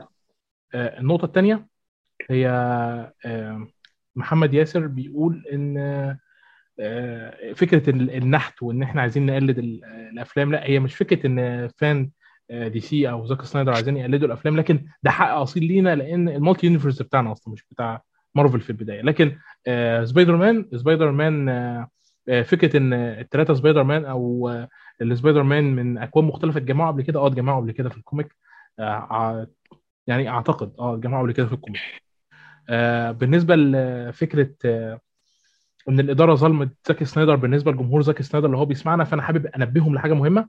زاكي سنايدر كان منتج كان منتج تنفيذي في فيلم Suicide Squad وكان منتج في فيلم Wonder Woman الأول وكان منتج تنفيذي في فيلم اكوامان وكان منتج في فيلم Wonder Woman 1984 وكان منتج صح. تنفيذي في The Suicide Squad يعني الراجل متدخل إنتاج تنفيذي في ثلاث أفلام ومنتج في فيلمين. يعني إحنا بنتكلم في حوالي خمس أو ست أفلام من عالم DC السينمائي. الراجل كان متدخل فيهم بشكل مباشر من ورا الكواليس.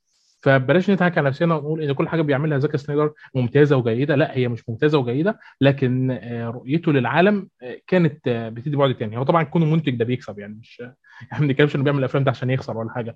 لكن آه، الفكرة إنهم كانوا متحمسين للرؤية اللي هو خلقها. لنفسه وللعالم اللي هو كان هيتعمل وما اتنفذتش آه، دي النقطة الثانية النقطة الثالثه هي إيه النقطة الثالثه آه بالنسبة لجيمس آه، لجيمس جان بتاع The Guardians of the Galaxy و The Suicide Squad مين عنده اعتراض النهارده بعد فيلم The Suicide Squad الأخير إن هو يعترض على جيمس جان بأي شكل من الأشكال؟ آه، ده الراجل لما طل- طلع وقالوا إن هو هيبقى مستشار بعد كده في أفلام دي سي القادمة محدش قدر يعترض. الفيلم يا واحد عبد الله أقول لك على حاجة والله العظيم في كتير جدا جدا جدا شوف جدا تاني بيكرهوا جيمس جان وبيشتموه حرفيا والله العظيم بدون أي سبب. يعني ليه؟ مثلا مثلا إيه ما ما أنا بقول لك مثلا مثلا إيه لما شاهد كان بيتكلم على حوار آه، إن في fans متضايقين إن مفيش حرية للمخرجين وورنر بتعمل في المخرجين وبتعذبهم وبتقتلهم والكلام ده تمام جت دلوقتي مثلا إيه والله أنا فاكر الموضوع ده فاكره جدا يعني جيمس جن كان منزل كده تويتر كان حد سأله فقال فهو رد عليه وقال له ان فيلم The Suicide Squad ده واخد فيه آه، حرية بشكل كامل بنسبة 100% والاستوديو سمح له يعمل كل حاجة هو عايزها. قالوا له ممكن تقتل أي شخصيه أنت عايزها ممكن تطلع حرية حرية كاملة وأنت براحتك أنت تتصرف وإحنا وإحنا واثقين فيك. ال tweet ه دي خدت كمية هجوم على جيمس جن وعلى وورنر لمجرد إن هم ادوهم حرية. كل برضه بص هنفضل نلف وندور نلف وندور نلف وندور وهيرجع برضه حد يقول لك طب زاك آه، ده ده اللي أنا متفق معاه نوعا ما مش نوعا ما أنا متفق مع مع في الحتة دي. هو يعني يا جماعة زاك آخر فيلم صوره دي سي آخر فيلم صوره ها كان في 2016 اللي هو Justice League تمام؟ آه، الراجل دلوقتي آه، يعتبر عامل آه، عقد مع مع نتفليكس بيبني العالم اللي هو بتاع ال Army of the Dead وال zombies وال- والحاجات دي. أنا عارف أنا بسأل سؤال فعلا بسأل سؤال حقيقي وعايز إجابته. هنفضل لغاية سنة 2000 وكام بنتكلم؟ وكل ما نيجي نتكلم مثلا عن دي سي حد يطلع يقول لك إيه؟ أصل زاك عمل أصل زاك ما اتعملوش أصل زاك يعني هنفضل في ال loop دي لغاية إمتى؟ يعني إيه اللي المفروض يحصل عشان نسكت؟ يعني عشان الناس مش مش تسكت الناس تهدى أو تتخطى الموضوع. يعني على فكرة أصل أنا الناس مش هتتخطى. الناس مش هتتخطى. الموضوع طول ما زاك سنايدر موجود جوه العالم. أنا عايز أقول لك إن يعني زاك سنايدر موجود معلش يعني زاك لازم يموت طبعا. عشان لا أصل أصل زاك سنايدر موجود. أنا- أنت تعرف هو زاك سنايدر موجود لدرجة إيه؟ لدرجة إن في فيلمين لسه ما تحددش هم هيتعملوا إمتى. زاك سنايدر يعتبر منتج جواهم. جوثام سيتي آه، و Deadshot بتاع جوثام سيتي اللي هو هارلي كوين وقعت عقده خلاص و Deadshot اللي هو بتاع ويل سميث. هو الراجل منتج جواهم. لسه يعني هو هيروح فين يا ياسر؟ ما هو ما هو هي المشكلة برضو إن ال fans شايفينه في كل حاجة. هم مش عايزين يخرجوه. آه، آه، دي سي الإدارة أنا مش بتكلم بص بص أنا مش أنا مشكلتي مش في زاك بقى أنا يعني أنا مش بنتقده مثلا أو مش بقول عليه هو حاجة. أنا بتكلم في نقطة إن إحنا هنفضل لغاية إمتى؟ آه، يعني برضه برضه مش امبارح في trailer لباتمان نزل. تمام. آه، ال trailer الجميل ده وبتاع. آه، ناس برضه برضه من ال fans يجيب لك اللقطات من ال trailer لباتمان وهو بيضرب ال- المجرمين. يقول لك هو أنتوا ليه مش معترضين على باتمان ده زي ما اعترضتوا على على باتمان بتاع سنايدر؟ طب يا جدعان ما هو ما هو مش معقول. ما هو لا ما هو مش معقول بقى. ما هو مش كل ما حاجة هتحصل هنفضل نقول أنتوا ما عملتوش كده مع سنايدر. ما هو كده بقى معلش بقى ما حدش يزعل لما الناس بتقول عليهم آه، toxic و... و... وعاملين جو سلبي عموما. يعني صح. وهقول لك أقول لك على حاجة هقول لك على حاجة. أنت دلوقتي مثلا أنا دلوقتي أنا أنا شركة أهو بقدم لك منتج. تمام؟ شاهم ما عجبه المنتج ده وأنا ما عجبنيش. حلو؟ إيه ال- إيه الدافع ال- العقلاني اللي يخليني أكمل فرجة على المنتج ده عشان بس أفضل أشتمه؟ يعني ما هو أنا مثلا أنا لو في حاجة مش عجباني طب ما أول ما أتفرجش عليها وتوفيرا لوقتي وتوفيرا ل- ل- ل- ل- لذوقي اللي هو مش متناسب معاه. يعني ما ما ما هو معلش يعني آه، ومحدش يزعل. اللي بيتفرج على حاجة هو مش حاببها وهو عارف إن هو مش حاببها أو عارف إن هو مش هيحبها ومستمر فيها المشكلة فيه هو. والله بجد يعني آه، ما ما ما هي مش حاجة منطقية خالص ان ان ان, إن, إن أي حد يعملها يعني. هي لا لا أنا متفق معاك طبعا. لكن برضه إحنا ما ينفعش نلوم محبي دي سي على إنهم بيتفرجوا على أفلام حتى لو وحشة في نظرهم. يعني أنا كمثال أنا لحد النهارده مش متفهم مش متفهم فعلا سبب فشل The Suicide Squad 2 إيه السبب؟ يعني إيه اللي ممكن يكون إن الفيلم فيه حاجة من جوه مش ومش قادر إن أنا آه، برضو يعني بيهاجمني fans من دي سي وبيهاجمني fans من مارفل بس أنا أنا شايف إن الفيلم يعني قطعة من من الجنة. أقول لك على حاجة هو على كده يعني الفيلم بص إحنا بس لما نيجي نقيم حاجة يعني انت أنت بتتكلم على على- عليه من حيث الإيرادات تمام؟ لا لا مش من آه، يعني مش من حيث ما الإيرادات بس ده يعني أنا بتكلم إنه فشل 7.3 من من حيث 10 على إيه؟ IMDb فاهم؟ آخد إن رأي النقاد خاسف بيه الأرض. هو ده فشل كده؟ ما- يعني 7.3 ده تقييم محترم جدا على فكرة مش قليل خالص. يعني ده أعلى أعلى من Shazam أعلى من Man of Steel أعلى من BvS أعلى من من Wonder Woman 84 أعلى من Birds of Prey تقييم عموما يعني ده ده ده ده, ده, ده تقييم كويس. وبالنسبة لتقييمات ال- النقاد على على Rotten Tomatoes الفيلم واخد تقييم عالي برضه. المشكلة في الفيلم 90% تبعا لحوالي 350 نقد تقريبا. طيب ده حلو جدا كمان. يعني ده في التسعينات كمان انت بتتكلم في إيه ده؟ يعني تقريبا هتلاقيه من من أعلى الأفلام دي دي سي ال rated على على Rotten Tomatoes على على فكرة أصلا كانت النقاد النقاد بيحبوا أفلام دي سي على فكرة. يعني حتى أيوة، حتى لا، لما هي- حتى هي- لما مارتن سكورسيزي طلع انتقد أفلام ال superhero انتقد أفلام مارفل بالاسم. ما, ما قدرش إنه يجي جنب أفلام دي سي بأي شكل من الأشكال. هو عارف ليه؟ بس لا أقول لك على حاجة أنا شايف إن هو كان بيتكلم عموما الصراحة. هو يعني أنا هو طلع على مارفل ما قالش دي سي؟ أيوة. بس لا هو ما- ماشي أنا بقول لك أنا تصور الشخصي أنا شايف إن هو بيتكلم عموما بقى على كل الافلام ال superheroes. هو هو مش فارق معاه أو أو سم يمكن هو أصلا مش مدرك إن في حاجة اسمها مارفل ودي سي فاهم؟ هو بس بيشوف إن هو دول إيه أبطال عمالين يضربوا في بعض وبتاع فهو انتقدهم كلهم عموما. آه، أنا شايف كده أنا كلامه وصل لي كده يعني. بس. تمام. هي آه، أنا حابب حابب أديكم معلومة كمان صغيرة يعني أنا مش عارف إذا كنتوا أنتوا تعرفوها ولا لأ. بس آه، زاك سنايدر هو كاتب كمان ل... كاتب لفيلم Justice League 2 في scripts كثيرة اتكتبت لعدة أفلام واتلغت في الأخير. يعني أنا ممكن أكتب سكريبت ممتاز لفيلم Justice League ثلاثة وبعدها ما ما أستخدمه. يعني ممكن عندي القصة كاملة. زاك سنايدر عنده القصة كاملة. آه، عندي نظرية بالنسبة لفيلم Batgirl ومايكل كيتن. وبن افليك آه، آه، نظرية مش مبنية على حاجة غير إنها بس تخمين. يعني أنا ما بقولش إن ده بالضروره اللي هم هيعملوه بس أنا شايف إن ده حل مناسب. آه، في ناس دلوقتي بتتوقع إن إن بعد فيلم فلاش يحصل دمج للعوالم أو إن بن افليك شخصيته تتمحي من ال DCEU ويتبدل مكانه بمايكل كيتن أنا بتوقع حاجة تانية.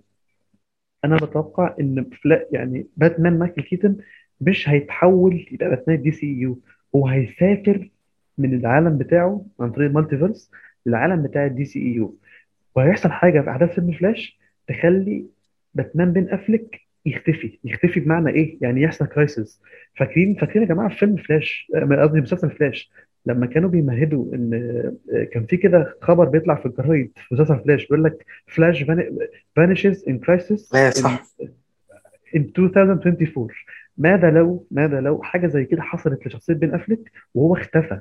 بسبب احداث فيلم فلاش يعني يعني مش مجرد بخر يعني في الهواء لا اختفى عشان بسبب crisis معينة. تمام؟ فده معناه إن مايكل كيتن مش هيبقى يعني مش هياخد دور بن أفليك بس هو هيبقى باتمان في, في الأرض دي لأن باتمان بتاع الأرض دي اختفى. أنا شايف إن ده حل مناسب إن هو مو أنت أنت كده بتفضل فاتح الباب لعودة بن أفليك في أفلام لو مثلا مثلا لو هنعمل فيلم crisis مستقبلا. وفيلم crisis ده فيه شخصيات كتير جدا من ال multiverse تمام؟ أنا تصوري الشخصي أنا مش شايف إن بن افليك هيكون عنده مشكلة إنه يطلع في فيلم مثلا دوره فيه 10 7 دقائق ولا حاجة. زي ما هو already طلع في السنايدر cut وزي ما هو already طلع في فيلم فلاش هو هو هو قبل الأدوار دي أو قبل يرجع في الأدوار دي عشان دي أدوار بسيطة. حاجات خفيفة كده يعملها في السريع ما تاخدش منه أسبوع تصوير. تمام؟ فأنا شايف إن إن option زي ده بدل يعني بدل ما تقفل الباب خالص في وش بن افلك سيبه سيبه موارب. اديله فرصة بحيث لو أنت عملت فيلم مستقبلا فيه team up وفيه crossovers وحاجات زي كده اعرض عليه يا عم. قول له عندنا دور كذا كذا. مثلا مثلا يعني إيه؟ زي دور دكتور سترينج أو سبايدر مان في Endgame دور حرفيا تقريبا تقريبا ما تخطاش سبع دقائق بس كان دور مهم جدا في آخر الفيلم.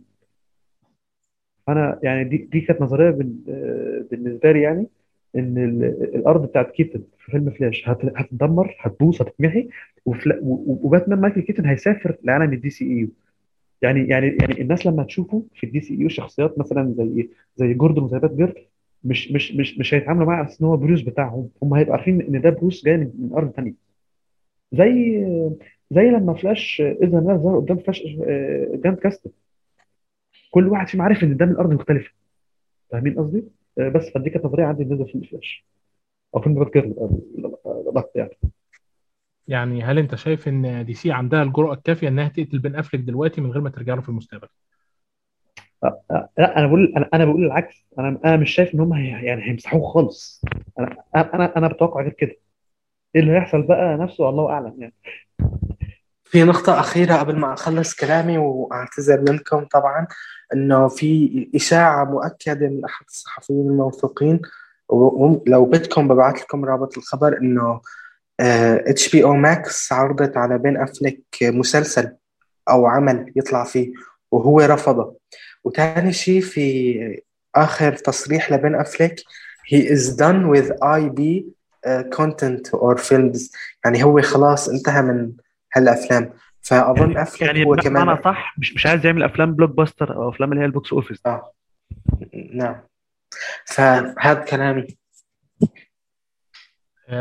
تمام. آه، على فكرة ما فيش أي اعتراض آه، بس آه، بن افلك بقاله فترة أعتقد إن لما الإدارة تتغير هو وهنري كيفل هيعيدوا هيعيدوا لأن اللي أنا من وجهة نظري يعني من وجهة نظري أنا شايف إن بين افلك كان متحمس لدوره باتمان لدرجة إن هو طلع في فيلم سويسايد سكواد الأول في دور شرفي و اعاد تصوير مشاهده تاني في جاستس ليج زاك سنايدر اللي هو النسخة بتاعته. فبالتالي أنا شايف إن الراجل عايز يشتغل مع حد معين مش عايز يشتغل مع الشركة رغم إن هو وورنر براذرز بالمناسبة كانوا سمنه على العسل من قبل ما يدخل في العالم ده. يعني الراجل أصلا أفلامه كلها كمنتج كمخرج كممثل كانت مع شركة ورنر هو بس سؤال خاص لك عبد الله هو لو أنت برأيك اجت اداره ديسكفري واستولت على ورنر وما رجعت عالم زاك وما رجعت بن أفلك. وطبعا احتمال آه، هنري كافيل يرجع وارد لكن لو ما رجعوا لو ما لو آمالنا ما تحققت شو رح نعمل؟ يعني ديسكفري رح تجي بس ما رح تكنسل الأفلام اللي تعلن ولا أي حاجة ولا أي حاجة خالص. أنا عايزهم يرجعوا كريستوفر نولان بس لأني أنا شخصيا بحب ورنر من وأنا صغير. بحب أكتر من ديزني كمان. عندي علاقة وطيدة بيها من أيام أول مرة أجيب فيها تلفزيون أبيض في أسود. في حياتي أول مرة أجيب فيها كمبيوتر أول مرة أجيب فيها شاشه حلو. ملونه أول مرة أنزل أشتري آه، راس ال- السي دي من من المحلات القديمة بتاعت زمان المضروبة دي.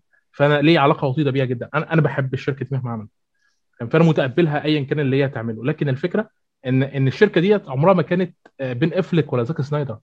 يعني عشان نكون بس واضحين في الفكرة يروحوا هيروحوا. عمرهم ما هيقعدوا معانا طول العمر. يعني هي دي الفكرة. لكن إحنا كان عندنا شوية مخرجين انت آه، دمرت ثقتك وثقة المخرجين والمنتجين اللي كانوا شغالين معاك السنة ديت عشان ترضي اتش بي أو ماكس والجمهور اللي انت جبت سحبته وقدرت انك تنط 50 60 مليون مشترك في أمريكا وأوروبا. أنا متفاهم الفكرة دي لكن اللي انت عملته ده دمر حاجات كتير وانت محتاج تعيد بناء الثقة مع المخرجين الكبار اللي كانوا معاك تاني.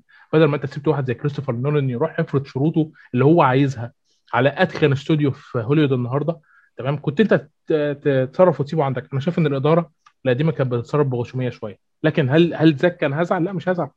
أنا عارف إن لو جيت إدارة صح قدرت تمسك دي سي هتخرج منها ذهب. دي سي منجم ذهب.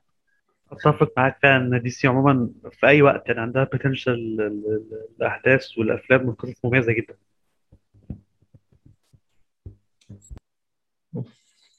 يا جدعان يعني الواحد. وهو صغير كان فاكر آه، في آخر Looney Tunes وفي آخر مسلسل باتمان series القديم كان بيجي في آخر كل حلقة كده Warner Bros فاهم؟ فانا أنا كنت فاكرهم كاتبين Warner Bros دي اللي هي اختصار لبروس وين. فاهم؟ اللي هي فكرة بروس وبروس وين فالشركة دي واحد. فاهم الفكرة؟ والله بجد أنا يعني يعني الواحد كان بيحبها من يعني من منطلق بعيد قوي. فلا فالشركه أيوه أيوه. آه يعني فالشركة قدمت لنا حاجات كتير جدا ومش أخدة حقها الكافي.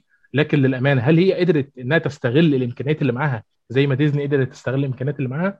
أنا شايف إن ديزني ما عندهاش حتى ربع المحتوى اللي عند Warner Bros ورغم كده مش قادرة إنها تقرب من نجاحها ورغم إن بالمناسبة رغم إن آه، أنجح فيلم superhero لحد سنة 2005 اتعمل كان فيلم باتمان مايكل كيتون سنة آه، 89 وبعد كده سنة 2005 عملنا واحد من انجح افلام ال superhero. سنة 2009 عملنا واحد من انجح افلام ال superhero. سنة على فكرة على 2012 فكرة كمان من قبل باتمان كيتون سوبرمان كريستوفر ريف ده يعني وقتها كان فيلم ثوري آه كان مكسر. الدنيا آه. فيلم بقى سوبر مان على فكرة الثمانينات. على فكرة على فكرة يا باشا أنت لو حسبت دلوقتي إيرادات فيلم سوبرمان بمعدلات التضخم هيطلع دلوقتي جايب مليار وشوية يعني لو فاهم قصدي؟ آه، واصل لي الفكرة واصل لي صدقني آه. أنا متفاهم النجاح اللي هو حققه في الثمانينات حاجة حاجة مميزة جدا يعني كمان الشركة الشركة معاها عملت من زمان وكانت ناجحة جدا في المجال دوت وما كانش في أي شركة مقربة منها. على فكرة حتى في مجال وده حتى في مجال ال animation. ال- التوجه الشركة في آخر ثلاث أفلام بالنسبة لل animation ضرب ان عالم ال animation في الأرض. الرسم سيء الإخراج سيء والصرف باين قوي إن هو في أقل مستوى رغم إن الألوان والرسم اتحسنوا شويتين. طب أنتوا بتعملوا كده ليه؟ إيه السبب إنك ممكن تاخد بعضك وتدمر كل اللي أنت قاعد بتعمله دوت؟ لا يوجد أي سبب منطقي خالص إن الإدارة اللي بتعملها فالواحد ما بيهاجمش الإدارة عشان هو زعلان على زاك سنايدر ولا زعلان على بن أفليك لا خالص. واحد بيهاجم الإدارة لأنها مش قادرة إنها تدير الموارد العملاقة اللي تحت إيديها. قاعدة بتفكر تحت رجليها. أنا النهارده عايز أكبر HBO Max أنا النهارده عايز أعمل مسلسل مش عارف إيه. ده انت ده أنت إدارة HBO توزن من إدارة Warner Brothers كلها ثلاثة أربعة. يعني ده ده حاجة صعبة. يعني شوف الإدارة دي لوحدها بتتصرف إزاي. شوف CW اللي أنت في الآخر لجأت لها عشان تنجح فيلم The Flash عمل انت عملت إيه؟ لأنها كل لأن الإدارتين دول خارجين عن إيدك إدارات مستقلة داخل الشركة. والله استمتعت والله بجد بال... بالنقاش ده مع... معاك يا عبد الله انت وشهد. شكرا. آه تسلموني جدا و آه نعيدها إن شاء الله؟ آه لا لا أكيد طبعا لازم تتعاد يعني آه ده ده بودكاست طويل وهينزل على مرحلتين يعني اللي وأنا شاكر جدا الناس اللي تفضل تسمعنا للاخر واتمنى إنكم تروحوا لشهد ومحمد آه، ياسر وت- وتظبطوهم يعني. المقالات مهمة جدا انزلوا اقرأوها. الاثنين دول عارفين جدا عن comics DC ومتعمقين فيها وأعتقد إن حساباتهم الشخصية كمان آه، محترمة جدا وخصوصا حساب ال fans بتاعهم آه، بتاع DC. آه، شكرا ليكم وأتمنى إن إحنا آه، نكمل معاكم وكلمة أخيرة من آه، محمد وشهد. حبيبي يا عبد الله بجد اتبسطت جدا النهارده بالمقابلة الجميلة دي وإن شاء الله فعلا نكررها تاني. إن شاء الله انتظرونا انه نتكلم عن DC أكثر لأنه الصراحة هي أول مرة بشارك في بودكاست عموما. هي أول مرة بحياتي بعملها وتحمست لهالموضوع وإن شاء الله نلقاكم مرة أخرى. والسلام عليكم ورحمة الله وبركاته.